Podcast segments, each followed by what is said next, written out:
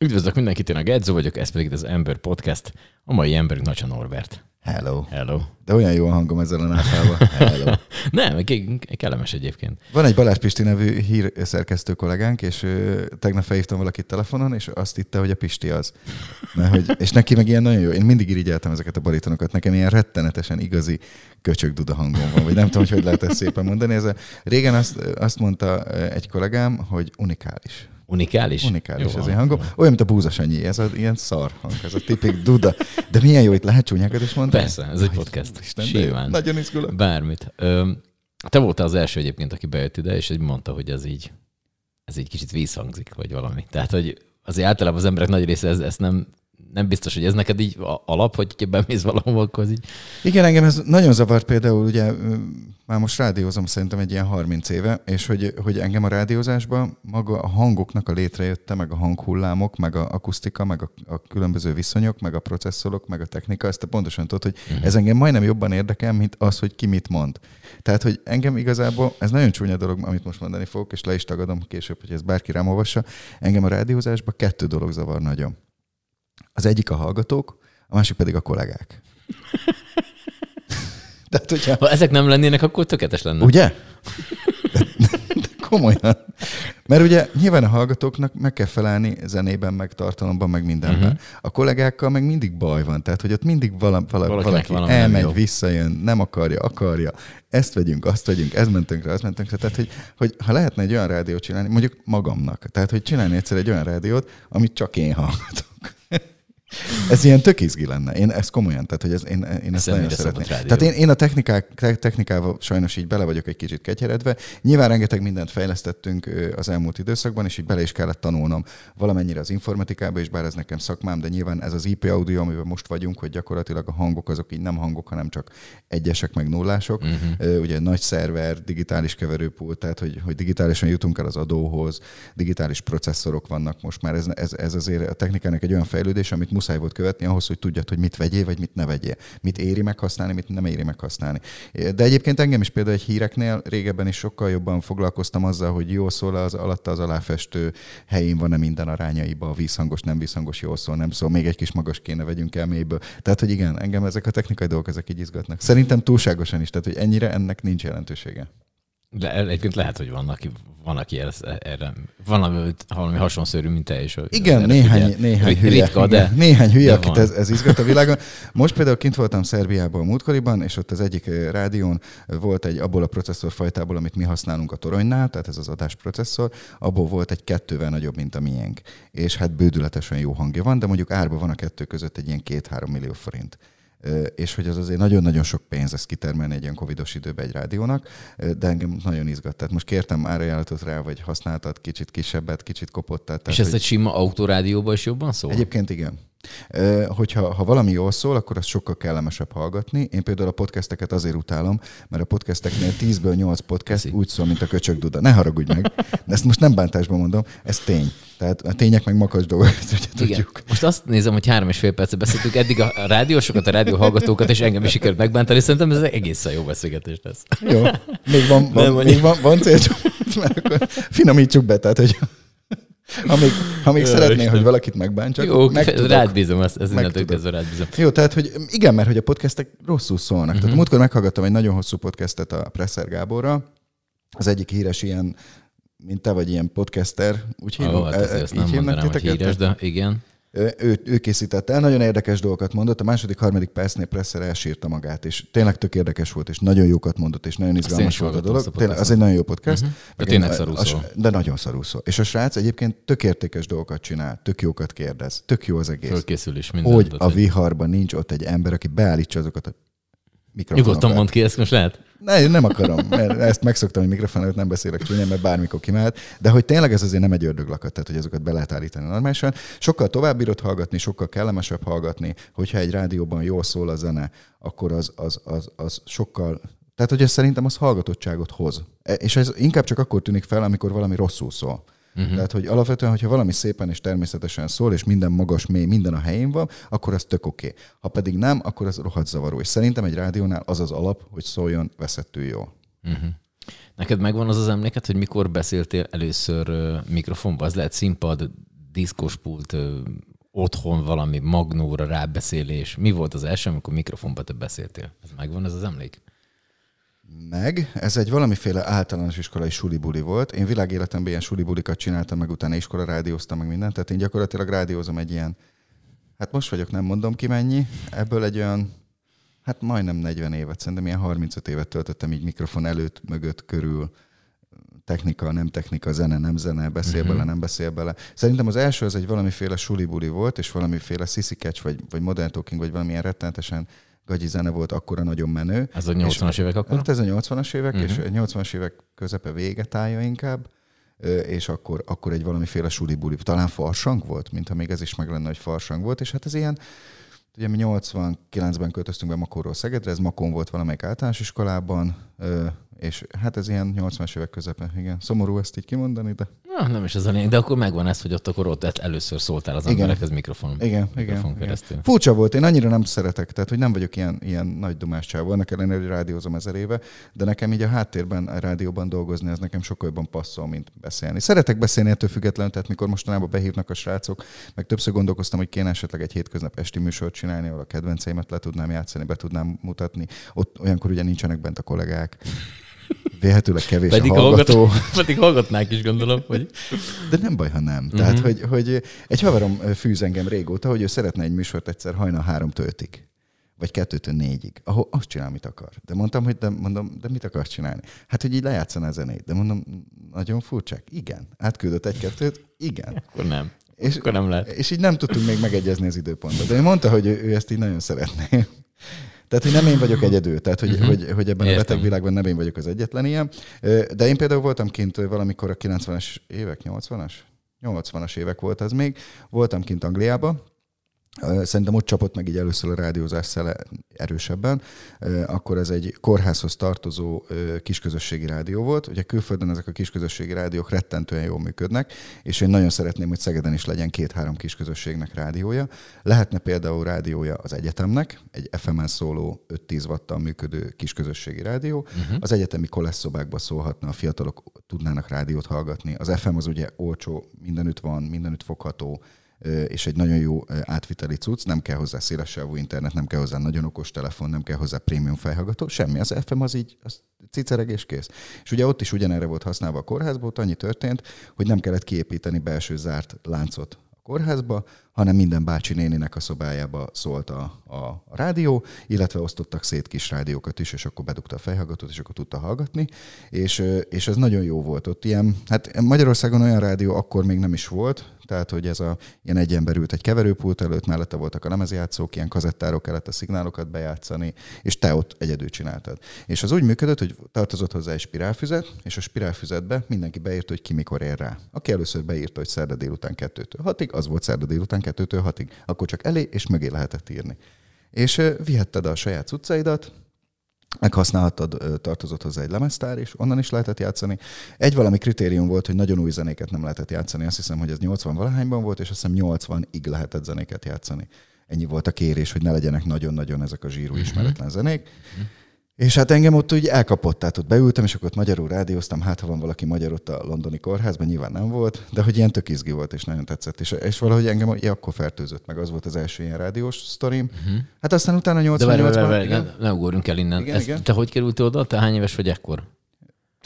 Valahány éves, és rokonok éltek kint Londonba, ő hozzájuk mentünk ki egy homokszínű Lada típusú gépjárművel, kompal, mentünk át ugye tehát kelet, és ugye a kormányt nem tudtuk átszerelni, ezért a kormány maradt a mi helyünkön, és a, a, fordult. a, igen, és mondjuk egy kis fordulásnál, az, de még akkor nem volt jogsim se, tehát ez nagyon, nagyon fiatal voltam, és és akkor így a családi látogatásban voltunk kint egy nem tudom másfél hónapig kint, vagy egészen sokáig kint Jaha, voltunk. És akkor, de hogy és akkor a, ehhez a rádióba? Az unokatestvérem, hogy... aki egyébként azóta ilyen producer kint Londonban, meg ilyen mindenféle zene körüli ö, foglalkozó srác, uh-huh. ö, ő, ő vitte el. Ők dolgoztak ott ebben a rádióban, őket is izgatta ez a, ez a, ez a sztori. Meg ez jó, ez a kis közösség. Tehát most gondolj be, lenne egy rádió, hova. Egyébként ilyen volt Szegeden a rádió mi egy pár évvel ezelőtt, uh-huh. és az egy tök jó dolog. Fogod magad, bemész, viszed a kis kedvenceidet, lejátszod, elmondod, amit el akarsz. Tehát ö, bennünk rádiósokban azért általában van közlési kényszer. Ugye most is beszélek, mint akit fölhúztak.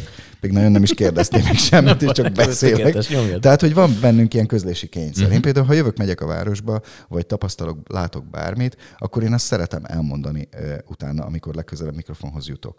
És nyilván ez a közlési kényszer, ez egy rádióban így jó kijön. A podcast is ilyesmi, tehát ott is el lehet mondani, ahol ugye most vagyunk. Uh-huh. Tehát, hogy ez is, ez is jó dolog lehet erre.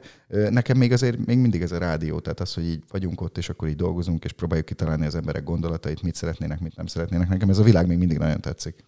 Nekem is főleg nekem azt tetszik benne, hogy ilyen élő. Tehát, Igen. hogy az, ott az, amikor az ott történik, akkor az akkor történik. Majd most ezt a podcastet rögzítjük valamikor, ez majd valamikor a netre kerül, és valaki valamikor majd meghallgatja. Ott meg feltalad, és azt mondod, és hogy akkor, az Szeged, És akkor az akkor az van. Igen, uh-huh. igen. Uh-huh. Abszolút így van. Én voltam pár évvel ezelőtt egy rádiós hálózatnak az egyik vidéki rádiójában, nem mondom ki melyik, de szerintem így nagyjából ki lehet találni, hogy melyik rádiónak vannak hálózatos rádiói. Igen. és hogy ott volt egy hatalmas keverőpult, meg számítógép, meg minden, és akkor így elkezdtük, elkezdtünk velük együtt dolgozni, a rádiót átalakították másmilyenre, és akkor, de még abba az időszakba léptünk be, amikor még annak a hálózatos rádiónak volt a, a tagrádiója. És akkor mondtam, hogy és mondom, hogy szólaltok meg? Hát mit csinálunk? Hát, hogy elindítjuk a számítógépet, fölvesszük, megvágjuk és bedobjuk a tárgyba. Mondom, nem, nem, nem. Mondom, ha jön egy helikopter, és ezerre neki megy a városházának, és borzasztóan egy káosz van ebben a városban, és az emberek bekapcsolják a rádiót, mert hallani akarják, hogy mi akkor tele történt, megjöttek az ufók, vagy mit tudom, kiöntötte a vörösi szap, vagy elöntötte a Tisza a város, vagy mit tudom. Tehát, hogy azért sok minden történt egy város életében, amikor azt kell mondani, hogy Hello Szeged, itt vagyunk, segítünk. Elmondjuk, hogy mi van lezárva, elmondjuk, hogy mi gyulladt föl, elmondjuk, hogy hol szakad a hó. Tehát, hogy, és mondták, hogy hát nincs is rákötve az adóra a keverőpult. Mondom, tessék. Hát mondom, akkor hogy mit csináltok? Hát, hogy itt ülünk, és akkor elindítjuk, lerögzítjük, megvágjuk, bedobjuk. De hát mondom, ne hülyeskedjetek, mert ez nem rádió. A rádió az olyan, hogy föltolom, piros, nyomom, piros és azt mondom, hogy hello, itt vagyok, én uh-huh. vagyok. Ezt akarom mondani, ezért jöttem. Úgyhogy ez nekem, nekem így furi, nekem is ez, ez a rádióban az egyik legnagyobb varázs, igen. Na de attól függetlenül, hogy azt mondtad, hogy te inkább ilyen háttér, de te neked volt, te voltál műsorba. Persze, sokáig. Sokáig, sokáig. Hát én úgy kezdtem alapvetően, hogy, hogy valamikor utána a 90-es években kerültem egy rövid időre a Rádió 88-hoz, ugye a Tóth Peti miatt, aki a tulajdonosnak a fia volt. Uh-huh. Ő vele ugye éjszaka mozogtunk nagyon sokat sokféle szórakozó helyen, és akkor így mindig a rádióba mentünk a cuccér, oda volt lerakva. Így, én nem voltam akkor műsorvezető, mert fiatal voltam, hogy akkor a Genser, Hegyesi Sanyi, meg a, a nagy öregek voltak a, a adásba. Bocs, Genser nem sokkal ide, pár év idősen mindegy, tehát hogy ők voltak, ők voltak akkor adásba, és akkor mi meg csak így kisgyerekként így beugrottunk a cuccokért, meg így ott jöttünk, mentünk, meg minden. Uh-huh. És aztán én valahogy ott talán egyszer, egyszer Száraz Ferivel, Genserrel, Tóth Peti, meg én, egyszer így valami Weaver Rekiót ott eldoboltunk az asztalon, meg ilyen volt egy ilyen, egy ilyen cucc, és akkor, és akkor ez így nagyon megtetszett, hogy itt, itthon is lehet ilyen. Nyilván az egy, az a Mastéren egy ilyen irodaházban volt egy ilyen nagyon csúnya stúdió, tehát ahhoz, amit én ott Londonban megtapasztaltam, ahhoz képest ez ilyen rettentően csúnya volt.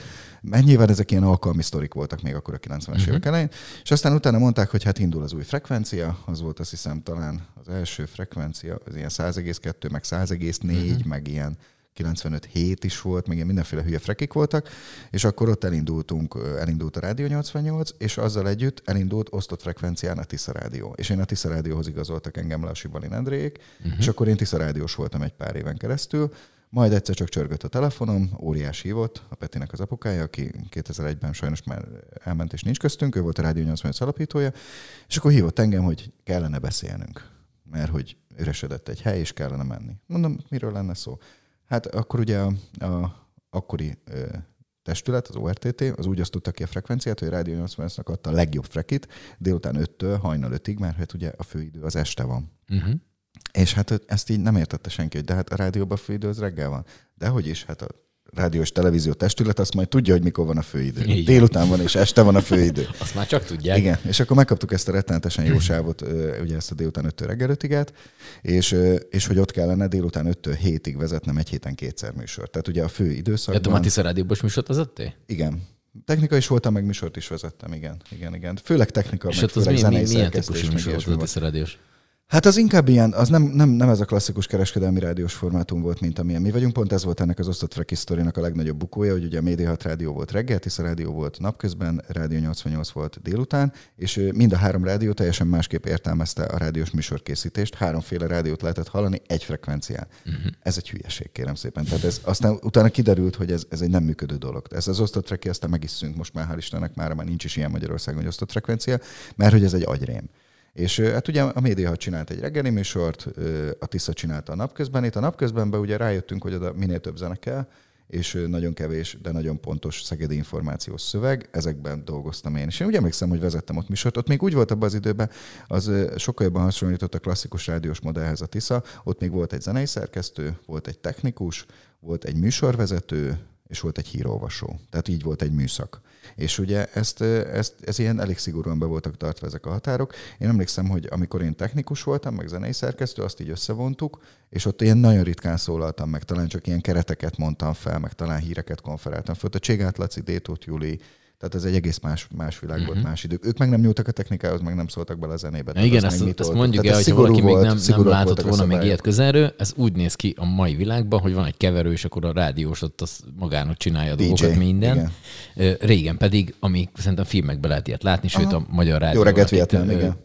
Igen, tehát így, így, na, Magyar Rádió is ilyen Magyar Rádiónak itt, a, ahol mi vagyunk D2-ben, a mellettünk lévő épület, ugyanez volt egy bazin egy üvegfal, ült egy csávó baromi sok potméter mellett, és akkor vezető meg a másik oldalon ült, az ott mutatta, hogy mikor van vége, eleje, oh, stb. Igen. Az meg ott tologatták. Most meg ez így egybe van. Volt még egy szerkesztő is, aki nem is beszélt, meg nem is kevert, meg nem is csinált semmit, ő csak megmondta, hogy mikor, hogy van. Sőt, a múltkor nem is tudom, hol mesélték. Múlt héten voltam ilyen helyi, helyi rádiós összegyűlésen, és ott mesélte az egyik arc, hogy a, hogy a Magyar Rádióban úgy készültek a reklámspotok valamikor a rádiózás hajnalán, hogy kibéreltek egy hatalmas, illetve berendeztek egy hatalmas stúdiót, ott ugye óriási stúdiók vannak a Magyar Rádióban, uh-huh. ahol például egy komplet szimfonikus zenekart, vagy egy száztagú cigányzenekart be lehet állítani, ültetni, és mikrofonokkal fel lehet venni azt, amit ők csinálnak. Na most egy ilyen stúdióba berendezték a reklámgyártáshoz a dolgokat, háttérben volt a gyerekkórus, másik oldalt a zenekar, elől a színészek, akik mondták, volt egy rendező, és a rendező mutatta, és mutatott rá azért, hogy akkor most ki mit olvas. Ki mikor lép be? És élőben készült el a rádióreklám. Ne. Tehát nem az volt, hogy fölmondtunk egy szöveget, és alácsaptunk valami zenét, és aztán kis effektek is. Az effekt is ott készült el, tehát hátrébb hajolt, tehát előrébb hajolt. Uh-huh. Tehát, hogy volt valami villámlás, akkor azt ott Bizonyán, megoldották. Azt ott. Tehát ott voltak az asztalokon kirakva a hangszerek, a cuccok, és azzal oldották meg. És ilyen borzasztóan hosszú és terjengős. Hát ez a, nyilván ez a Szabó család idejében, a 60-as, 70-es uh-huh. években történhetett utoljára ilyen galátság. És az zongoristának intettek, hogy indul. És, és De tényleg, hogy tényleg, egy reklám. Alapvetően tényleg, mert hogy visszagondolunk, hogy nem volt számítógép, meg nem voltak ilyen sávok, semmi meg így volt. semmi. Semmi csak, nem volt. Csak így... Elkészült real time-ban a reklám, amit lerögzített, én is. Én is kérdeztem, hogy erről nincs valami film, vagy nem, nem lehet ezt így megnézni, vagy nincs erről. És mondták, hogy hát így az idős hangmérnökök, meg akik még ebben benne voltak ebbe a sztoriba, hát ugye akik a 60-as években voltak 40 évesek, azok sanszos, hogy mostanára már nem nagyon biztos, hogy élnek. Hát igen. Tehát, vagy száz évesek. Vagy száz évesek. Tehát, hogy ez elmúlt, elmúlt ez, a, ez a világ, és ez, ez a, az a tudás, és az, ami ott akkor elkészült, az sajnos már most nincs köztünk. De én nagyon megnézni kell egy filmet, hogy elkészül egy rádióreklám. Nyilván baromi hosszúak voltak, tehát azért egy ilyen rádióreklám, és akkor gondolom volt egy szlogán, azt így felénekelte valaki háttérbe a kórus, akkor előre elmondta a narráció, hogy és akkor és egyébként ó, most és akkor végére elmondott egy webcímet. Se. Se. Tehát, hogy egy cifra lehetett. Tehát ez nagyon megnézném, nagyon megnézném ezt. Mondtad, hogy a Tóth Petivel így éjszakában is voltatok. Az, az mikor indult az, hogy az ember DJ lesz? Nekem ez a DJ meg ez a rádió sztori, ez mindig is összefolyt. Tehát nekem, nekem azért tetszik ez a mai rádiózás, mert ez gyakorlatilag egyfajta DJ, aki ott ül. Uh-huh. Tehát azért is hívjuk mindig a rádiós műsorvezetőt DJ-nek, mert azért ez nagyon közel áll ez a kettő egymáshoz. És én nekem ugye eredetileg először a diszkóval kezdődött, tehát ott szóltam először mikrofonban, meg ezek a házi bulik voltak az elsők, aztán utána ebből lett valamikor, hát a 90-es évek eleje közepén lett belőle diszkó. Tóth Petivel kezdtük meg, illetve Olifúval kezdtük, szegény, ő sincs már köztünk, ő volt, a, ő volt az, ez egy mentorom, meg ő segített mindig mindenben, meg ő igazított el, amikor valamit rossz irányba mentem, vagy hülyeséget csináltam, vagy mondtam, vagy túl sokat ittam, vagy keveset, vagy tehát ha valami gond volt, akkor ő, ő volt az, aki ebben mindig segített. Vele csináltuk, hát Nagy Mágocson. Te tudod, hol van Nagy Mágocs? Uh-huh. Nagyjából térképek. Orosháza alatt egy kis falu, Igen. és akkor ott eh, kezdtük el, eh, kezdtünk el így egy diszkót építeni, hát ugye a középiskolás bulik után, mert a középiskolás bulik az a Bebridge-ben voltak, amit most Gábor Dénesnek hívnak. Akkor te még Bebridge-be jártál? Én Bebridge-be jártam, és Bebridge bulikat csináltam, és azok ilyen. Mhm. 1500-2000 fős ilyen gigabulik voltak, és utána abból lett, a, lett ez a nagymágocsi sztori. Utána onnan engem elcsábítottak, dolgoztam egy héten, két napon ilyen mindenféle vidéki diszkókban, sokat voltam Kiskunmajsán, sokat voltam Ruzsán, Bordányban, Ülésen. Hát azt szoktam mondani, hogy ahol áram van. Tehát, hogy így nagyjából ez volt a szűk, a szűk keresztmetszet. Áram azért legyen meg valami kocsma. Tehát ahol ott a valami, valami kis diszkó. És hát ugye az elején az úgy nézett ki, hogy vittük a cuccot magunkkal, mint a sátrasok. És akkor vittük a hangfalat, a lámpát, a hosszabbítót, a mindent. És akkor mutatták, hogy ott egy sarok, és akkor a domaszéken, és akkor beszereltünk. Megmutatták, hogy hol van a 220, és onnantól kezdve bármit lehet csinálni. Igen. És ez ugye a, a diszkónak a nagy csúcs kora utáni időszak volt már. A diszkónak szerintem a nagy csúcskora itthon is és külföldön is, szerintem az a 70-es évek vége, 80-as évek eleje. Tehát amikor a Szegeden a Tisza gyöngye az az igazi meghatározó legenda volt, mikor itt forgatták a Csillagfénydiszkónak a tévéműsor részletét, a Bétóték a 80-as években a gyöngyébe, és az tényleg az egy ilyen, az egy ilyen, az egy ilyen igazi legenda volt.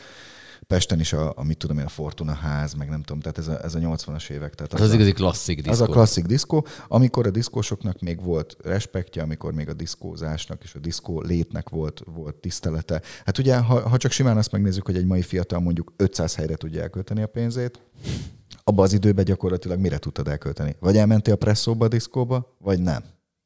Tehát Ez a két verzió. Nagyon nem volt más, más választás. Maximum a kisboltba tudtál elmenni, esetleg venni kevertet, amit otthon megittad. De az meg nem, annak nincs olyan pontértéke, tehát hogy csak lementél a presszóba. Tehát, hogy az, Igen, az, azért, az, az, azért, az azért kellett. És ugye nyilván nem volt internet, nem volt kocsi, nem volt lakástörlesztő, nem. Egy csomó olyan dologra, amire ma, egy mai fiatal tud költeni, nem kellett méregdrága ruhákat venni, nem kellett méregdrága cipőket venni. Hát én nem is értem ezt, hogy mikor látok ilyen fiatal ilyen 20 éves, 10 éves kölyköknek a kezébe ilyen iPhone 12, meg iPhone 13 kategóriájú méretű tudású telefon. Tehát, hogy honnan van egy mai fiatalnak 3-400 ezer forintja telefonra? Nem evett egy évig? Vagy nem volt se hobbulizni egy évig, és minden utolsó szülinapra, meg minden fillért egybe rakott, és vett belőle egy ilyen telefont. Mi az úristenek? Miért nem megy bulizni? Tehát, hogy Igen, mindegy, tehát nem, sok mindent nem értek a mai világban, ez, ez az egyik, hogy hogy, hogy hogy és miért van egy tizenéves gyereknek iPhone 13-a. Nekem az van, de azért én megvettem magamnak, tehát hogy ez egész más, na mindegy. És, és hát akkor ugye ez volt az elsődleges szórakozás, és én ezt nagyon éltem. Tehát, hogy abban az időben a diszkós azért ilyen, főleg a 80-as években, de még a 90-es években azért diszkós, az egy diszkós volt. Ez Szegeden nem sok volt, és az egy rang volt. Hogy, hogy hát te is belecsöppentél ebbe, uh-huh. te mhm. is benne volt ebbe az időszakban, tehát az, az egy erős időszak volt. Aztán utána, hogy idősödtem, úgy kerültem egyre közelebb a városhoz, aztán egyszer csak Sote Club, egyszer csak Sing Sing, egyszer csak Retro Club, Hungi, tehát így végigjártam, amit, amit így végig lehetett járni. Formátumban van olyan, amiről nem játszottál? Gondolom lemezről, bucket lemezről játszottál. Szalagról nem, ez a klasszikus nagy szalag. Az, az, az marad ki, azon kívül minden. Azon kívül minden. Azt akartuk vinni magunkkal, mert Olifunak volt ilyen akai, ilyen szalagos, ilyen üvegfejes szalagos csodája, és azok rettenetesen jól szóltak. De gyakorlatilag felesleges lett volna elcipelni, mert ugye áttettük kazettára, és a kazetta az szinte ugyanaz volt, mint a szalag. A szalag egyen jobban szólt, tehát az egy, meg az izgalmas a szalagot. Az a, aztán azóta láttam ilyen orosz diszkósokat, akik ilyen szalagról nyomják. És scratchelnek is vele. Tehát, hogy engem a szalag az még mindig izgat. Van a rádióban mhm. egyébként egy csomó régi szalagos egységünk, ott fönt van a, egy helységbe elzárva egy szekrénybe. Múltkor elővettem egyet az egyik szülőnap alkalmából, és ilyen 90-es évek régi konfiait, meg régi műsor részleteit vettem elő, és veszegettem ki. Le is ment az egyik szülőnapkor, lehet, hogy te akkor pont nem voltál. Mm, nincs meg. Nem, nem. Mert elővettem ilyen Tüskeferi, meg Tóth Peti, meg saját hangomat is, meg Tóth Géza, meg Genser, meg ilyen régi Sövény Tibi, meg Genser beköszöntek egy reggeli műsorba, és az volt a téma, azt sose felejtem Azt én még hallgattam. Azt, azt te meg hallgattad? Aha, persze. És hallgattam, és reggeli, reggeli beköszönés, nem mondom, mit mondhattak, tehát hogy eltelt 30 év, vagy nem tudom, 20 valány év, mit, mit, mit mondhattak akkor. És Sövény Tibi nagyon vicces alapvetően, ő egy, ő egy vicces. Én sose szerettem vicces, a vicces figura, megosztó, de, de vicces. És az volt a, a, a konf lényege, hogy tegnap bevezettek, előtte nap bevezettek egy üvegzseb című törvényt, és hogy, hogy a politikusok megmutatják, hogy mi van a zsebükbe. És eh, hát Tibi, Tibi mondta, hogy hát ez, ennek én nagyon örülök, nagyon kíváncsi vagyok rá, hogy a Dávidi Bolyának vajon mi lehet a zsebébe. Én most megmutatom az enyém mi, és így elővette a zsebébe, nem tudom, volt benne, nem tudom, 1500 forint, kirakta, na, nekem ennyi van fizuig. Én vagyok az üvegzseb első, aki, aki megmutatja, akkor most nézzük a politikusokat. És hogy ilyen nyílt politikai dolgokban a 90-es években simán bele lehetett menni. Tehát, hogyha végig gondoljuk, hogy mennyire megváltozott a világ ma, mm-hmm. tehát, hogy se jobbról, se balról nem mernél ilyet mondani egy rádióban, semmiféle politikusnak a nevét se szívesen mondanád ki, se balról, se jobbról, se ellenzékit, se kormánypártit, mert hogy egyből az lenne, hogy ha ide húzol, akkor amazok bántanak, ha oda húzol, emezek bántanak. Tehát, hogy nem mondhatsz ilyet. És hogy ők ezt a 90-es években ezt így simán gondolkodás nélkül, reggel beköszönéskor, egy gyomorra, kávé nélkül rám zúdították az üvegzsebprogramot, és egy kicsit irigylem is őket ezért azért, tehát hogy az, az egy egész más világ volt. Picit másabb, ja. Na, ugorjunk vissza egy picit, neked milyen gyerekkorod volt? Te Makón, akkor az Makó és környéke. Makó van? és környéke, igen, akkor jártam általános iskolában, meg Makón kajakoztam, meg Makón csináltam mindent. Jó volt, én, én szeret, nagyon szerettem. Makó egy ilyen tipik nyugodt vidéki plegykás kisváros. Szüleim tanárok voltak, apukám testnevelő tanár, anyukám egy mezőgazdasági suli volt tanára, apukám utána ilyen sportosztályvezető, meg ilyen sportvezető ember lett, és mindenki ismert minket Makón, Makó azért egy 20-30 ezeres kisváros, és, és ott, ott voltunk. 14 éves voltam középiskola elsőt, már itt jártam Szegeden, jó volt, én, én szerettem, vidám, vidám és boldog gyerekkorom volt. Sokat jártunk nyaralni, közel volt a Maros, rengeteget úsztunk, rengeteget sportoltunk ki. Nekem a sport az valahogy így mindig, mindig meghatározta az életemet, és a, akkor, akkor én ugye kajakoztam, és a, a Maros és a kajak az így együtt, de a Tisza és egy kajak is nagyon, tehát az, az ilyen nagyon pontértékű. Tehát ott ilyen, mm. egy ismerősöm szokta mondani, hogy Dombi Miki, hogy, hogy az ő pszichológusa a Tisza. Tehát, hogy leviszi a kenuját, vízre pattintja, és minden reggel képes reggel 6 és 7 óra között, nem tudom, egy tízes lenyom. A, hát csönd van. Csönd van, ott nyugalom vagy. Igen, igen, a madarakat hallott, tök hmm. sima a víz előtted, és, és mész, és, és te vagy. És az, az, az így teljesen rendbe rak. Tehát így a, a sport az mindig rendbe rakja az agyadat. Makón egyébként ilyen nyugalom és béke van a mai napig azóta, és azt érzem, hogy ez egy ilyen, az egy ilyen Szeged azért, azért sokkal inkább egy nagyváros, és sokkal dinamikusabb. Úgyhogy hmm. nekem Makón, Makón és békében nyugalomba telt el pedagógus szülőknél volt az, hogy nektek így, mert van egy tesód is, nem tudom. Növérem, aha. Hogy, hogy így meg volt, hogy már pedig tudom, ötösnél rosszabb nem, vagy négyesnél rosszabb nem lehet? Vagy mennyire volt az? Hát volt presszió, igen. A tesóm ráadásul rettenetesen jó tanuló volt, ő közgáz, közgáz egyetemet végezte el nagyon jól, és nagyon jól beszél angolul, tehát hogy mindig is ő volt a, ő volt a családban a tanulás szempontjából abszolút a példakép. Én meg mindig voltam a kis hülye öcs és ez meg is maradt egyébként. És így tesómmal pont emiatt ilyen nagyon sokáig szakadék is volt köztünk. Igen. Hát ilyen, nem, tehát ilyen gyerekkorunkban nem nagyon értettük egymást, nyolc év van köztünk. Tehát, hogy, uh-huh. hogy mondj, mondj, egy közös témát egy nyolc éves és egy, 16, egy 8 éves fiú és egy 16 éves lány között. Nehéz, tehát, hogy tény. Nem nagyon uh-huh, van. Uh-huh. Tehát, hogy se kedvenc zenénk, se kedvenc semmink nem volt. Tehát én voltam a kis hülye öcs, ő, ő meg az okos nővér. És akkor ez, ez sokáig tartott, de aztán utána ilyen, ilyen, ahogy felnőttek lettünk, utána ez így helyre került. És most nem is érzek ekkora különbséget tesóm és köztem. Tehát ez a nyolc év az mostanra elmálott. Tehát ez már nem, nem jelentős és nem meghatározó. És tök jóba vagyunk, és jó tesók vagyunk, szerint én azt gondolom, és, és, és így, így nőttünk fel. Uh-huh. Akkor ez a Maros melletti dolog okozta ezt a vízszeretetet? Mert hogy te közben buvárkodni is elkezdtél egyszer csak évekkel ezelőtt, az honnan jött? Nekem apukám ugye testnevelő tanár volt, és uh-huh. sokat oktatott úszást. Én mindig ott voltam kisgyerekként közt, aztán volt, hogy az egészen kicsikkel én is foglalkoztam, és, és ez ugye makói fürdőbe volt, amit aztán azóta átépítettek ilyen hagymatikummal, de az még akkor a klasszikus ilyen makói termálfürdő volt, és utána közben egész nyáron a Maroson voltunk folyamatosan, utána én amikor elkezdtem kajakozni, akkor folyamatosan kajakozás, akkor nyáron rengeteget voltunk nyaralni Román tengerparton, ott is ugye egyfolytában víz. Tehát, hogy nálunk a családban ez a víz, meg az úszás, meg a fürdés, ez ilyen mindig ilyen nagyon, nagyon, nagyon nagy téma volt, és engem mindig rettenetesen izgatott. Egy, volt egy családbarátjánál egyszer egy búváruha kiakasztva a szekrény oldalára, amikor én kisgyerek voltam, és tudom, hogy oda mentem, és így nézegettem, és hogy ezt így föl kell venni, és hogy néztem a kusztót, akkor a kusztónak mm-hmm. a gyerekkorunkban, nem tudom, neked is a Zsákusztó meg van, persze, Tehát persze, az, persze. Ez ne, rengeteg természetfilm, meg rengeteg minden volt, és ők ugye nagyon hardcore tolták ezt a sztorit, mert egy csomó szabályt, amit én most megtanultam, mint búvár, pont 10 éve, 11 éve már, hogy, hogy elkezdtem búvárkodni, és egy csomó szabályt, amit azóta ilyen bibliaként olvasunk, és azt be kell tartani, mert különben az a folyamatábra vége, hogy meghalsz. Ezeket ugye ők találták ki, és valószínűleg úgy, hogy ott valaki meghalt a folyamatábra végén. Voltak ott oxigénkamra, meg mindent, tehát próbálták visszahozni, amit, amit, amit elrontottak, de de hát ez nyilván nem mindig menthető. És pont Egyiptomban, ahova mi járunk buvárkodni, bár mi egy kicsit följebb járunk, ők lejjebb jártak a Vörös-tengerre, nem Egyiptomban jártak, hanem Szudán partjainál voltak, ott vannak lent mai napig is ezek a klasszikus ilyen rácsos izék, ahogy a cápák elől abból forgatták a filmeket. De hát ugye nekik még nem volt ez a jackie amit mi használunk a halkoportyú helyet, koportyú helyet, hogy fellemenjünk, meg egy csomó mindenük nem volt még. Tehát most már azért sokkal, sokkal nyugodtabb és veszélytelenebb a búvárkodás. Ugye tudjuk a szabályokat, amiket ők leírtak és, és megtanítottak, és az a SMAS rendszer, amivel én először vizsgáztam, az a kusztóéknak a, a rendszere volt. És én, én engem ez valahogy ez a víz, meg az úszás, meg a halak, meg a lenti élet, amit lemész, ott ilyen irgalmatlan csönd és nyugalom és béke van. Tehát, hogy pláne szoktunk menni éjszakai merülésre, amikor még ráadásul sötét is van, és akkor lemész, sötét van, csend van, nyugalom van, nem hallatszik semmi, csak hogy fújott. De a, nem para? Jó. Tehát, Mindenki hogy, ezt kérdezi. Mert, hogy, mert ezért most őszintén, én napközben, hogy már ugye fény van, én azon paráznék, hogyha mondjuk esetleg rám jön valami ilyen szorongás, pánik, bármi, ott ugye nem tudsz följönni hirtelen, mert akkor ott megint csak valami gebasz lehet. A másik, meg éjszaka meg az végképp. Hát honnan a francból tudod, hogy nem jön ott valami úszik el melletted valami olyan, amit esetleg nem kéne, hogy ott legyen. Hát de ha éjszaka kimész az utcára, ott is megharaphat egy kutya. Gútya. Oké, okay, jó.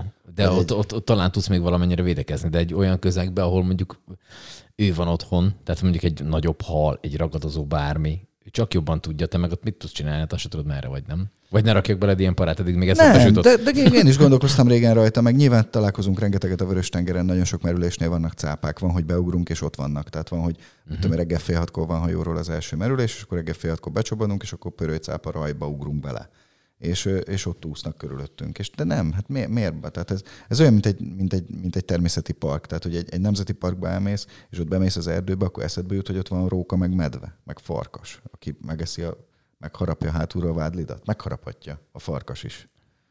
Tehát, hogy Farkastól még nem, és a medvétől jobban paráznék. Mondjuk a medve, igen. Voltam már ilyen helyen. És jött is a medve? Nem, hála Istennek, de kiírták a park bejáratánál, hogy mennyi medve található, valami ezer medve található oh. a parkban, ami nem egy ilyen Magyarországi terület volt, maradjunk annyiba, és akkor ott mondták, hogy nagyon jó, mert a medve, tehát elszaladni nem tudsz, mert gyorsan fut, fára nem tudsz mászni, mert utánad megy, Hát inkább csak úgy valamit próbálj megcsinálni. és hát egy, egy ilyen kellemes gőzölgő medveszar után amikor tudod, hogy valószínű az, az, nem, az a közelben, közelbe lehet. De a medve is rettenetesen fél az embertől. Tehát, hogy a medve se, én igen, is utána, már utána olvastam, tehát, de hogy így... Eszébe sincs, esze, esze ah, ágába rá sincs. voltam parázva kicsit. Nagyon bolond medvének, nagyon bolond medvét kell kifogni, vagy nagyon agresszív idióta cápát kell kifogni ahhoz, hogy rátharapjon. Olyan például volt, most legutóbb, amikor voltunk szafarizni, akkor utána azt a térséget, ahol voltunk a Vörös-tengeren, azt a térséget lezárták, mert képzeld, hogy azt csináltak az idióta orosz turisták, mert hogy én ezeket nem is nevezném buvárnak se, tehát hogy én ott azonnal ketté vágnám az engedélyüket, és soha többet nem engedném őket, még, még a kádba se. Mert hogy azt csinálták, hogy levittek húst, és hússal kézbe letették őket, és ezt videózták, hogy ez milyen vicces, hogy ők, ők a cápát kézbe letetik. Na most ezzel több probléma van. Az, hogy őt megeszi a cápa, az nem probléma, sőt. A probléma az az, hogy a cápa nem hülye állat. Tehát, hogy azt a cápát, amit lemész etetni, az a cápa utána össze fogja kötni, hogy jön a búvár, kap enni. Na most, ha nem éhes, és jön a búvár, és kap enni, akkor, és most miért nem kap, akkor ugye nyilván egy kicsit agresszívebb lesz, és oda jön megnézi, hogy van-e nálad hús. Nincs. Miért nincs? Tehát ez mint egy macskánál, vagy egy kutyánál. Uh-huh. Tehát, hogy uh-huh. ha eteted mindig, és utána kimész 50 etetés után 51 egyére, miért nincs a kezedbe? Ott, és ráadásul ott van a kezedbe minden, mert ugye ugyanúgy nézel ki, mint az a búvár, amelyik őt etette.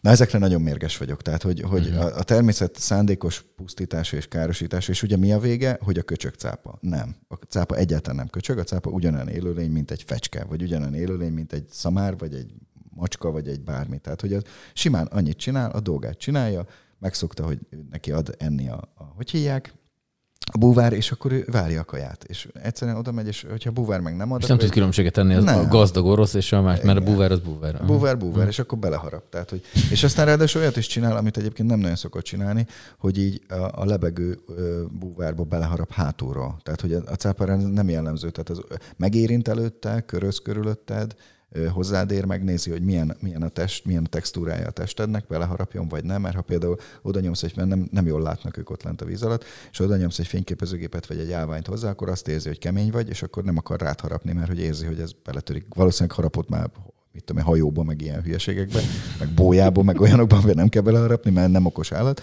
és hogy azt érzi, hogy kemény vagy, akkor, akkor elmegy. De az, hogy hátulról minden kostogatás, minden előjáték nélkül, körözgetés nélkül hátulról beleharapjon a vádlitba, ilyet nem csinál normális cápa. Akkor csinálja, ha megszokta, hogy előtte ott a vádli környékén egy zacskóból előkerül a csirkehús, azt odaadják neki. Tehát, hogy ez, ezek hibák. De ne, alapvetően maga a buvárkodás nem para, tényleg nem para. Óriási vizekről beszélünk, óriási mélységekről beszélünk, meg tengerről beszélünk. Tehát nekünk ugye egy, egy könnyű buvár, ez 30 méterig megy le, úgy hívják, hogy rekreációs buvár az 30 méterig mehetünk mi le engedély szerint. Ezt általában nem nagyon éri meg kockáztatni, mert ott már a tüdő meg minden fölborul. Mondjuk ilyen 10%, 20% annyit, annyival még lejjebb lehet menni, de többen nem. És hogyha, hogyha ezt betartod, akkor ott, ott így lenézel, és még alattad van 2000 méter mélység. És ott látod, tehát például a pörőcáparajt is úgy képzeld el, hogy mikor beugrottunk hozzájuk, akkor egy volt ilyen 10-15 méter magasságom, a többi lent volt ilyen 50-60 méter mélyen. Tehát, hogy azt láttuk, hogy ott van, ott van a raj, csak lent alattunk, tehát ezek nagy csordába járnak, és akkor, és akkor ott voltak lent sokan. De ne, eszük ágában nem volt bántani minket. Tehát, hogy kíváncsi, az egyik buvárnak a sárga úszonyára kíváncsiak voltak, és kicsit közelebb úszott, és megnézegette, hogy ez mi ez a sárga. Ez nyilván beszartunk, mint hogy most meg ezt minket, de esze se volt. Tehát Jászkuti Gabi haverunk, ő egy fényképezőgéppel fotózta, és egy ilyen nagy ilyen U alakú állványa, még fotózta is, és semmi. Tehát meg se. Őrület. Van egyébként olyan, olyan célpont a világban, ahol azt mondanád, hogy na, buvárkodás terén, hogy egyszer mondod, na oda egyszer elmennék? Hát nem sok van, ami pénzidő, nincs. Pénzidő nem, nem számít. Nem sok minden van, ami nincs. Tehát én ugye az Adrián buvárkodtam, meg a Vörös-tengeren idáig, meg a sportuszadába. Ez a, ez a, ez a, ugye, sportuszada izgalmas lett. Izgalmas volt, ott vizsgáztunk. és ugye ez, ez a három Vörös-tenger volt már meg többször, mert hogy a Vörös-tengernek van árérték arányban a legjobb dolga, és mikor uh-huh. lent vagy a víz alatt, akkor nincs nagy különbség. Ausztrália, tehát nincs. Tehát Vörös-tenger gyönyörű sokkal több mindent látsz, mint egy csomó helyen, ahova el tudsz jutni sokkal-sokkal több pénzért. Ezért járnak rengetegen a vörös tengerre búvárkodni. Uh-huh. De ha, de ha arrébb tudnék menni, tehát ha lenne mondjuk N szabad Pénzidő idő, nem számít. N idő Igen. és N szabad idő, akkor mondjuk Ausztráliába mennék el. Pőce Laci barátom még kint élnek Brisbane-be, és ő, hát ő, ő, ő búvár, és ő, ő szokott, szokott így itt ott, ott komolyabb helyeken. Tehát ott azért olyan átonyok vannak, meg olyan halak vannak, meg olyan medúzák vannak, meg olyan élővilág van, tehát Ausztráliát azt egyébként is nagyon megnézném, nem voltam még kint nála, mindig hív, és ki is akarunk menni, de, de hogyha egyszer kijutok oda, akkor ott mindenképpen fog buvárkodni. Az a buvárkodás előnye egyébként, most nem akarok reklámot csinálni a buvárkodásnak, de csinálok, hogy reklámozni is lehet így bármikor, bármit. Nyugodtan. Nem mondhatok márkaneveket? Nyugodtan. Azt a mindenit. Furcsa ez nekem a rádióhoz képest. Uh-huh. Szóval tehát, hogy az van, hogy letetted a vizsgát, kapsz egy plastik kártyát, és a plastik kártyával a világon bárhova mehetsz búvárkodni. És ha nincs nálad semmilyen cucc, az egyáltalán nem probléma, mert egy merülés az általában ilyen 30 euró, egy cuccbérlés az meg egy ilyen 10 euró, 10-15-20 euró. Attól függ, milyen cuccot akarsz bérelni, és attól függ, mennyire vagy fancy helyen. Tehát mondjuk egy ilyen egy merülést, egy 50 euróból meg tudsz úszni, akkor is, hogyha nincs nálad semmi, csak az igazolványod. És hogy ez azért jó, tehát hogy én voltam úgy az Adrián, hogy vakon ráírtam, rákerestem, hogy a környékben milyen buvárbázisok vannak, írtam nekik egy e-mailt, és akkor visszaválaszoltak, hogy rendben, holnap délelőtt tízre menjek, és akkor tízkor meg délután egykor merülök egyet, közt ott meg tudunk ajánlni náluk.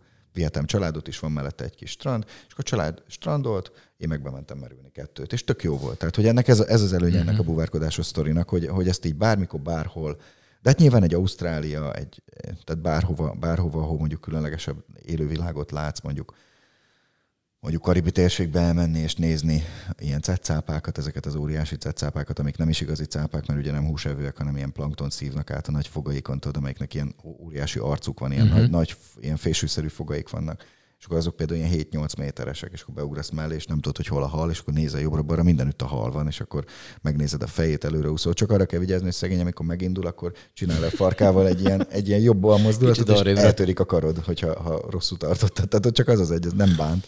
Tehát a cetszápa az egy ilyen végtelenül nyugodt és higgadt jószág. Tehát ilyen, ilyenekből nagyon-nagyon, nagyon-nagyon sok helyre szeretnék elmenni buvárkodni. Van egy közös ismerősünk, őt úgy hívják, hogy Bárány Peti. Így van.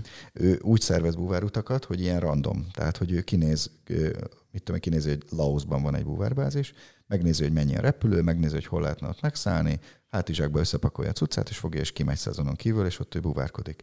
És hogy nekem is, meg is beszéltük, hogy egyszer így, így el kellene menni, ilyen teljesen random vakon bele. Tehát nem ez a szervezett turista. Mert ugye ezek a buvár szafarik, amikre mi járunk Egyiptomba, azok úgy néznek ki, hogy le van szervezve a hajó, rajta van a személyzet, tudjuk, hogy hova fogunk menni, tudjuk, hogy miért fizettünk, tudjuk, hogy mit fogunk látni, nagyjából, plusz-minusz 10 százalék, és akkor kimegyünk, felszállunk a hajóra, elindul 25 búvár a Vörös-tenger közepére, megvannak a merülőhelyek, hogy hol merülünk reggel, délután, este, vagy reggel, délelőtt, délután, este, mert négy a maximum merülés egy nap, és akkor ezek olyan full tervezettek. Tehát ott, a, aki ott van egyiptomi merülésvezető velünk, az pontosan tudja, hogy aznap mit fogunk látni. És akkor megmondja, hogy na most ezen a merülőhelyen pörölycápa lesz, ezen a merülőhelyen delfinek vannak, ezen a merülőhelyen teknősök vannak, és azok ott laknak, tehát annál a szírtnél laknak, ahova oda megyünk, uh-huh. és akkor azok ott vannak.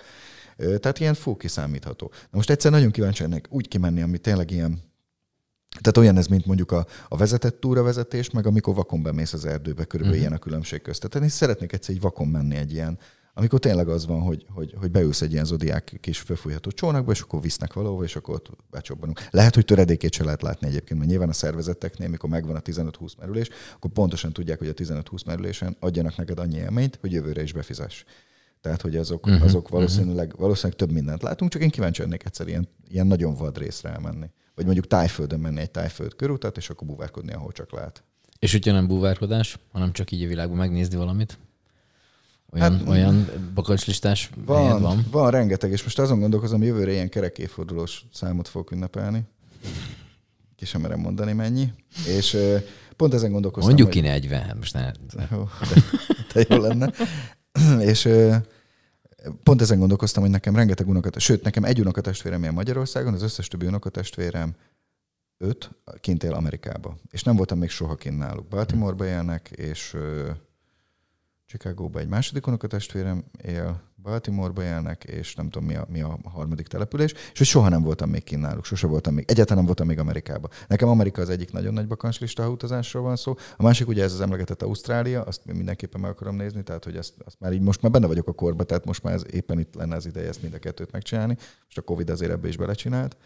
Ö, de, de nekem ilyen, ilyen kis helyi vágyaim is vannak nagyon sok. Például nem voltam még, nagyon sokat járunk Eger-Noszvaj környékére, ott rengeteget voltunk még, de nem voltam még sose Tokajba. És hogy nekem ez a Mád, hmm. Tokaj, meg az a része, az pont most múlt héten mondta egy kollega, aki ott arról a környékről származik, hogy ez valami csodavilág. Tehát, hogy ott az a, az a, az a Tokaj környéke, meg Mád, meg ott, a, ott is Tisza van, vagy mi van ott? Ott van valami folyó is és mondta, hogy az, az valami, valami, valami, csoda, valami hát. csoda az a rész. Tehát én például arra is vágyom nagyon. De régen voltunk Erdélybe kirándulni, arra is nagyon vágyom. Sokat járunk túrázni belföldön, tehát azok is mind, mindegyiknek tudok körülni. Tehát, de ha simán elmegyek villanyba, ahol már ezerszer voltunk nővére, még én azt is imádom. Tehát nagyon szeretek utazni, ahogy te is. Mhm. Van valami olyan dolog, amit megbántál az életedben? Amire azt mondod, hogy hát hogyha ezt most újra lehetne csinálni, akkor lehet, hogy ezt máshogy csinálnám. Talán a tanulmányokat jobban előtérbe helyezném, hogyha így így mostani észre lehetne választani. De nem szeretem ezt, mert ugyan ilyet nem lehet. Tehát, hogy ez, Okay, ez, ilyen, ez csak, nagyon lárpurlár. Szerintem csinálnék egy valami, nekem ugye én információs rendszer szervező főiskolán van, ami egy ilyen szakirányú felsőfokú suli, ilyen, hát hogyha egy komoly munkahelyre mennék el, akkor így majdnem, majdnem hogy semmi. Ha mondjuk lenne, lenne egy komoly közgazdasági egyetemem, vagy egy komoly jogi egyetemem, szerintem mhm. az, annak, azt így most így örülnek neki. Nem tudom, hogy van-e bármi értelme. Tehát nem tudom, hogy más csinálnék-e, hogyha mondjuk, mit tudom, jogász lennék, vagy közgazdász. Lehet, hogy ugyanezt csinálnám, és ugyanitt üldögének a rádióba, és tök fölöslegesen elvesztegettem volna az életemből sok évet azzal, hogy nagy könyveket biflázok be. De mostan észre azt gondolom, hogy jobb lenne, hogyha, ha lenne valami komoly diplomám. Te hogyan képzeled el magad mondjuk most vagy 40, egy 40 év múlva. Szóval, hogy mikor, mikor már ilyen, ilyen idős ember leszel te, amikor már akkor is te fogsz még így rádiózni, vagy a rádiózod már annyira hozzákötött, vagy csak szimplán ő, ücsöröksz egy, nem tudom, mondjuk a Marosparton, vagy valahol, egy ilyen kisházba, egy, egy ilyen karosszékbe, és akkor közben jönnek ott a gyerekek, unokák, van három gyereked, ezt azért nem, még nem mondtuk el, hogy valaki nem tudná, Hát én mindenképpen úgy tervezem el, hogy lesz egy kutyám. Tehát ezt, ezt, már, ezt már kitaláltam egy pár évvel ezelőtt, hogy én akkora szeretnék kutyát, amikor ezzel a kutyával én már így rengeteget tudok foglalkozni, meg törődni. Tehát nekem azért nem kell kutya, hogy a szomszédjaimat, szomszédaimat idegesítsem napközben. Uh-huh. Nekem azért kell kutya, hogy én azt a kutyát vigyem hozzám mindenhova szinte, ahova csak lehet. Úgyhogy lesz egy kutyám, ez bizonyos. Mi nagyon, nagyon szeretjük Montenegrót, meg Montenegró környékét, nagyon sokat járunk oda, 11-szer voltunk ott nyaralni. Uh és nagyon-nagyon szeretjük ez a Kotoriaből és környéke, akkor ott van fönt egy hegy, nagyon jó a Tarakanyon, nagyon jó túrahelyek vannak, mindenféle extrém sport lehetőségek vannak. Nagyon szeretjük Szarajevót, mint várost, ahogy megyünk lefelé. Nagyon szeretjük Kotort, nagyon szeretjük. Tehát ott ezt az egész környéket nagyon uh-huh. éljük, és nagyon szeretjük. Én régebben komolyan gondolkoztam azon, hogy ott kellene venni egy nyaralót, és az egy milyen izgalmas dolog lenne oda leköltözni nyugdíjas korára az embernek. Ezt nem vetettem még el. Tehát azt gondolom, hogy ha, ha mostani házunkat majd eladjuk, akkor abból mondjuk most per pillanat tudunk venni valószínűleg Montenegróba egy, egy, egy nyaralót. Úgyhogy ezt én nem vetettem el. Tehát én valahol tengerparton szeretném. Tehát, hogy akkor az lesz, hogy ott ülsz a tengerparton a kutyával? Veszed sok unokával és a kutyával. Aha. És a feleségemmel, tehát a család. Tehát mindenképpen család, tengerpart, uh-huh. kutya. Uh-huh. Ez, a, ez, a, ez, ez egy, ilyen, egy ilyen ideális állapotnak tűnne. Hát remélem, hogy összejön. Hát így, hogy 40 vagyok, még ezen nem nagyon kell gondolkozni. ezt mondtad, ezt a nagyon sok unokát, ez ilyen elvárás a gyerekek felé? Dehogy vagy is, ezt, nem. Vagy nem. Csak ezt én ők is így gondolják? El. Szerintem azt gondolom, hogy igen. Mégiscsak testvérek, tehát hogy meg, Effektíven nagy családban nőttek föl. Igen, meg szerintem az van, én azt vettem észre magamon is, meg azt vettem észre az én gyerekeimen is, hogy a gyerekek azok ilyen elég nagyban másolják a szülőknek a dolgait. Tehát, hogy mhm. nagyon kevésszer van az, hogy tanuljanak a szülőknek a hibáiból, vagy, vagy csinálnának másképp valamit, és eltérnének nagyon emberek attól, amit. Nyilván valószínűleg, hogyha ha, ha mondjuk valami nagyon furcsa családban nőttem volna föl, ahol mondjuk a apukám vert volna minket, vagy mit tudom én, nagyon főszerepet játszott volna az ital, vagy valami nagyon gond, nagy gond lett volna, akkor azt valószínűleg nem akarnám másolni, de én azt látom, hogy az én szüleim ilyen nagyon szépen öregedtek meg, és, és egy nagyon boldog családot alkotunk, és én valószínűleg ezt viszem tovább, és azt látom, hogy a gyerekeim is a gyerekeim is ezt, ezt viszik tovább. Tehát, hogy ez így, ez egy ilyen működő családmodellnek látszik most. Hát aztán majd kiderül, nyilván jó ég tudja. Hát remélem, hogy egy unokám azért csak lesz. Egy is elég. Egy kutya meg egy unoka.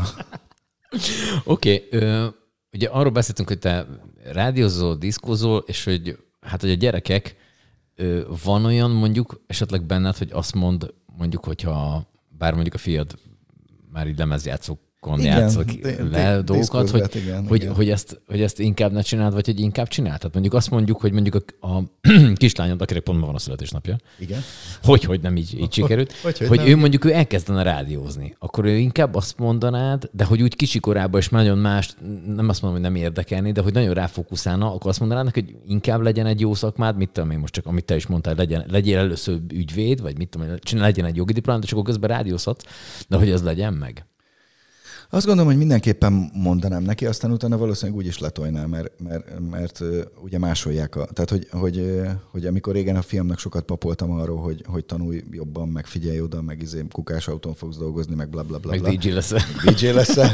Tanulj, mert DJ leszel. Igen, igen, és akkor így, így mindig, mindig éreztem rajta, meg így mindig láttam, hogy rám néz, hogy de hát apa, te se tanultál nagyon. Tehát, hogy az, hogy van egy ilyen főiskolát, ezt azért hagyjuk már, tehát hogy, hogy, hogy így ez, ez ne, és, és ez nyilván valóban így van, mert szerintem a boldogságot biztos, hogy nem diplomában, meg tanulásban lehet mérni. Tehát, hogy lehet valaki atomboldog nyolc általánossal is, meg van is olyan, hogy kimegyünk vidékre, és látjuk, hogy, hogy emberek atomboldogok azzal, hogy ott élnek egy kis faluba, és tök jól érzik magukat a környezetükbe. Tehát, hogy nem gondolnám, hogy... De azt, mondan, azt gondolom, hogy mindenképpen elmondanám, hogy szerintem fontos, és elmondanám a saját példámat, hogy én azt gondolom, hogy én, hogy én sokkal jobb helyre kerülhettem volna, vagy sokkal másképp csinálhattam volna dolgokat, hogyha van egy komoly diploma. Ami persze valószínűleg nem igaz, mert én ugye Pestre nem akartam költözni soha, ö, nagyobb rádióban, mint a 88 nem szívesen dolgoznék, mert ott ö, azért nagyon sokszor előfordul az, hogy nem a rádiózás a fő szempont, hanem, hanem egy csomó más olyan dolog szól bele, ami, ami nem jó. Tehát én dolgoztam országos rádióban, nem volt akkor élmény. Mondjuk az még egy nagyon szakmai alapú rádió volt, tehát hogy, hogy, hogy ott azért még lehetett minőségi dolgokat csinálni. Az a sláger rádió. Az a sláger rádió volt, igen, mm. ami szerintem minden idők egyik legjobb magyar média vállalkozása volt minden szempontból, ever ha így bármilyen hasonlítom tévéhez, rádióhoz, újsághoz, hírportálhoz, tehát amit ott akkor abban az időben csinált a sláger az, az példaérték a mai napig is. De mondjuk lehet, hogyha lett volna egy komoly diplomám, lehet, hogy dolgozhattam volna országos médiában, nagy rádióban, nem tudom. Most azt mondom, hogy nem akarok ilyen helyen dolgozni, és nem szeretnék, mert ott, ott azért más szempontok vannak, de lehet, hogy lehetett volna. Meg szerintem az, hogyha az embernek, például most én mostanában én azon szoktam gondolkozni, hogyha egyszer ennek a rádiós mesének vége lesz, mert nekem azért ez ugye elsősorban még mindig hobbim, tehát én azért ezt a rádiózást még mindig hobbiként élem meg. Hogyha egyszer ennek a hobbinak vége lesz, és én mondjuk leszek 50 valány éves, mi a jó Istent fog csinálni? Nem értek semmihez. jó, de, de rádiózni lehet 60 évesen is. Hát azt gondolom, igen, meg pláne ilyen hátteret, hogyha nézzük a Röfi Buffit a Havasterne, mm. azért ott nem fiatal rádiós vezetők vannak, tehát hogy egy rádiós vezető ne legyen fiatal, tehát az nyilván tapasztalatnak kell lennie, meg legyen rutinos, meg tudja irányítani a csapatot, uh-huh. meg motiválni. Tehát, hogy ide most pont nem lehet. De hát a jó Isten tudja, de mi van, ha egyszer vége van? Mi van, ha egyszer ezt lekapcsolják? Mi van, ha megszűnik? Tehát, hogy nem értek semmihez. ez pro- de most röhögsz rajta, de ez probléma. Tehát, hogy, hogy legalább tudnék megsütni egy, mit tudom én, egy pizzát, vagy egy lazányát, vagy legalább... Hát sütni szoktatok azért, nem? Sütni szoktam, meg itt tudok, Na, de hát hogy akkor... így nem, de mivel nem vagyok képzett szakás, tehát mondjuk nem tudom elképzelni, hogy én dolgozok egy konyhán, de, de tényleg, de akkor mit csinálok? Múltkor, amikor jött ez a pandémia, akkor egy barátom mondta, hogy hát menjek el hozzá ételfutárnak. Ezen elgondolkoztam. Na látod. És van is olyan közös ismerősünk, aki el is ment ételfutárnak, és most nem is akarja hagyni, mert imádja. Na látod, látod, hogy egy új, új kapu nyílik ki. De 55 évesen? Jó napot kívánok! Mondjuk szóval rengeteg, rengeteg Milyen, idős nem fut. Miért ne lehetne futár az ember? És képzeld el, mozogsz, sportolsz, tekered a biciklit, friss levegőn viszed, vagy. friss levegőn vagy, viszed a pizzát, Bördel. szeretnek. Mi bajod lehet? Oké, okay, ha bárhol vissza lehetne menni időbe, de ez a középkortól bármi, akkor, akkor hol mennél? És ott mit csinálnál? Hát én mindenképp a diszkózás fénykorában mennék vissza. Az lenne? New York, aha. Studio 54, meg tehát valami mindenképpen valami 70-es évek legendás. 70-es évek vége, 70-es évek vége, 80-as eleje, oda valahova New York, valahova Amerika. Azt, azt, azt nagyon megnézném. Azt megnézni. Azt megnézném. De mondjuk abból az időből lehet, hogy megnéznék bármilyen nagyváros, tehát megnéznék egy Londont is ugyanabból az időből, egy, egy Amsterdamot is, mert az... Ugye, tehát, hogy, hogy így valamiért a mi életünkben azt gondoljuk, hogy ez a világválságok, meg a, meg a Covid, meg minden előtti időszak, amit én így nagyon kívánok most, amióta van ez a nyomorult Covid, és nem tudunk menni sehova, és nem mhm. tudjuk élni az életünket úgy, ahogy szeretnénk. Én azt gondolom, hogy, hogy mindenképpen azok elé mennék, tehát mindenképpen a 90-es évek elé mennék. Tehát ez a 70-es, 80-as mhm. szerintem. Most így azt gondolom, hogy, hogy akkor már azért tiszta a világ, már, már egyértelmű a világ, tehát hogy valahol oda. Érdekes egyébként, hogy mindenki egyel, vagy legalábbis a statisztikák azt mondják, és akik itt beszéltek, ők is azt szokták, vagy úgy pozícionálják ezt be, hogy az előtte lévő generáció valahogy úgy. Tehát, hogy, tehát, hogy az, hogy én mhm. nekem is valahogy egy, egy nekem így a 60-as, 70-es évek, Aha. nekem is inkább ez a, a London vagy Amerika, de hogy mindenki oda akar visszamenni egyje korábbra. Tehát nem azt mondja senki, hogy mondjuk mit tudom, az 1700-as évek közepére akarok menni, mert az mit tudom én, tök nem, jó volt. koszosak meg szőrösek voltak a nők. tehát, hogy mit csinálnál ott? Tehát, hogy, hogy így mit tudom én, egy, egy, egy, egy nap király idejébe visszamenni, amikor mit tudom én, havonta egyszer fürödtek, tehát hogy ez kellemetlen. Tehát, hogy meg ilyen, tudod, ilyen, ilyen pálcikákkal fésültek, vagy vakarták a, a fejüket, mert tetves ja. volt. Tehát, hogy oda én nem, köszönöm, nem szeretnék. Tehát, hogy, hogy igen, valószínűleg ez lehet az oka, de nem tudom, tényleg ez, ez furcsa, hogy, hogy és akkor mindenki ugyanúgy a 70-es, 80-as évek? Nem, hanem hogy mit tudom Egy én, hogy az igen, tehát hogy valami oda. Tehát, hogy aki mondjuk fiatal, akkor ő a 90-es évek, 80-as. Tehát amikor éppen egyen visszább. Uh-huh. Igen, Általában ez a, ez, a, ez a standard. Furi, igen. igen.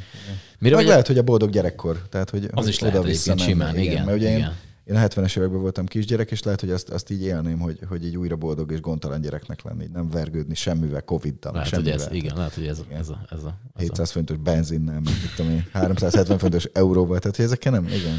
Ez nem. Mire vagy a legbüszkébb az életedben? A gyerekeimre ez egyértelmű. Uh-huh. Abszolút. Na, imádom őket. Tehát keveset mondom nekik, pont ezen szoktam gondolkodni, hogy, hogy ezt így viszonylag ritkán mondom nekik. A kicsinek szoktam mindig mondani, mert ő még olyan kicsi, csak a nagyoknak meg nem mondom, mert azok meg olyan nagyok. De rettentő büszke vagyok rájuk. Tehát, hogy a fiam kiment Dániába, összeszorította a fogát, és elvégzett kint egy egyetemet. Nyilván segítettük minden, amiben tudtuk, de neki kellett ott kint embernek lennie. És egy pillanat alatt felnőtt, és, és komoly férfi lett a középső kislányom, ő, ő most Pesten él, és tök szépen megáll egyedül a lábán, és dolgozik több munkahelyen, csinálja, utazik, veszi, és, és amikor egymásnak ajándékot vesznek, meg így egymással játszanak, meg boldogok, az, az, az olyan furi és felemelő érzés, hogy a három gyerek így látod, hogy, hogy akkor ők így nélküled is tudnak így, tehát nem mindig az van, hogy akkor most én osztom ott a kártyákat, meg a lapokat, hanem ők így maguktól. És az, az, az rettenetesen jó érzés. Egyetemű a gyerekek. Igen, hát a második az, az, az ha, ha listát nézünk, akkor, akkor a második helyen meg mindenképpen a család után a maga a rádió áll, meg a rádiózás. Mert hogy itt mi Szegeden azért nagyon sokat dolgozunk, meg nagyon sokat teszünk azért, hogy ez jó legyen, és, és hogy, hogy így rengeteg meló van ebbe benne, és amikor megjönnek a hallgatottsági adatok, meg számok, akkor így ez így mindig így megnyugtatja az embert, hogy, hogy, hogy így jó úton vagyunk, vagy jó dolgot csinálunk. Unikális mostanra egyébként Magyarországon ez a, ez a fajta helyi rádió, amit mi csinálunk, de én nagyon élem, és remélem, hogy ez így marad nagyon sokáig. Oké, okay, végére ez a gusztustalan kérdés, amit mindenkinek fölteszek, hogy szerinted ennyi idősen mi az élet értelme? Hát én ezen egy húsz éve gondolkodom, körülbelül, lehet, hogy csak 15. Én arra jutottam, hogy az élet értelme az, hogy tanuljunk az elődeink hibáiból, szebbé tegyük a világot, és, és mi magunk, a mi személyiségünk nullától a halálunkig fejlődjön, és, és olyan dolgot tudjunk magunkévá tenni, ami magunktól nem volt. Tehát, hogy ha például lusta vagy, én rettentően lusta vagyok, én most így 40 fölött kezdtem el komolyabban sportolni, meg így többet edzőhöz járni, meg, meg többet foglalkozni magammal. Ez például, tehát az, hogy így kimozdítsd magadat azokból a, a, a nagyon kényelmes komfortzónákból, ahon, ahonnan egyébként nem akarod, tehát egy kicsit nekem a búvárkodás is ilyen, de le akarok ugrani majd ejtőernyőbe, meg minden. Legutóbb most voltunk fönt a kislányommal veled együtt mm. jó mhm. magasan. A, tehát, hogy ezeket a, a saját határaidat feszegetni, és, és, és a saját szellemiségedet is, meg az agyadat is ugyanígy kimozdítani dolgokból. Szerintem nekünk ez a dolgunk a Földön, én azt, azt gondolom. Erre, erre jöttem rá így a, a sok év hezitáláson. Tehát mindenképpen egy fejlődés a cél, és mindenképpen az a cél, hogy magadat és a környezetedet szebbé, több és jobbá tedd.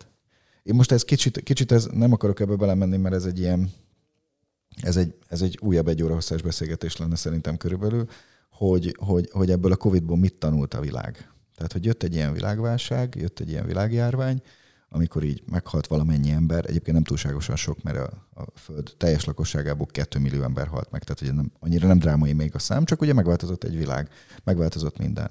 És hogy ugye mit csinálunk? Oltást adunk be magunknak, maszkot húzunk, meg, meg olyan dolgokat csinálunk, amivel így megpróbálunk ez ellen menni.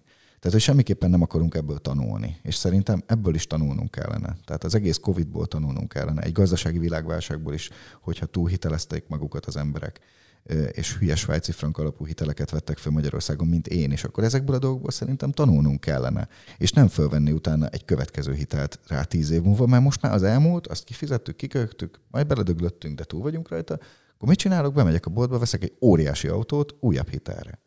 Hát hülye gyereket, nem, nem vetted észre, hogy az előzőt megszívtad? Mm-hmm. Én vettem egy két, kettő és fél millió forintos autót, amit a végén, mire a hitelt visszafizettem, hetes, 7 millió forintot fizettem vissza. Összeadtam, a legvégén kiküldtek ilyen izét, és amikor lejárt az X év, a hitelnek a, a vége, akkor kijött még egy számla, hogy még másfél millió forintot fizessek be. Két és fél milliós volt az egész autó, és egy millióval beletoltam az előző autót. Tehát másfél millió hitelt vettem fel, és hetet fizettem vissza. Hetet, nem kettőt, hetet én rájöttem, hogy én a büdös életbe többet nem akarok hitelt fölvenni. Ezt én megtanultam, hogy ez, én, köszönöm szépen, én ilyet nem szeretnék. A világ miért nem tanul a saját hülyeségeiből, a saját hibáiból? Amikor kiírtunk egy esőerdőt, akkor miért írtjuk ki utána a következőt is? Jó, egyet kiírtottunk, elcsesztük. A másodikat miért? Tehát, hogy miért mhm. nem tanulunk? Olyan a, a Egyiptomban, a Vörös-tengeren a, ezek a gyönyörű színes koralszírtek, meg korallzátonyok, amiket még én, amikor legelőször 7-8 évvel ezelőtt lementem, akkor ilyen piros, kék, sárga, zöld, ilyen mindenféle gyönyörű színű volt. Most lemész ugyanoda, és szürke színű minden, mert a víz melegedése miatt valószínűleg, a víz melegedése miatt elpusztultak a korallok. De miért nem tanulunk? Miért hmm. megyünk bele utána ugyanabba? Mi, miért állunk sorba? Miért megyünk be tátott szájjal? Az erdőbe. Az erdőbe. Ahol nem fák vannak. Ahol nem fák vannak.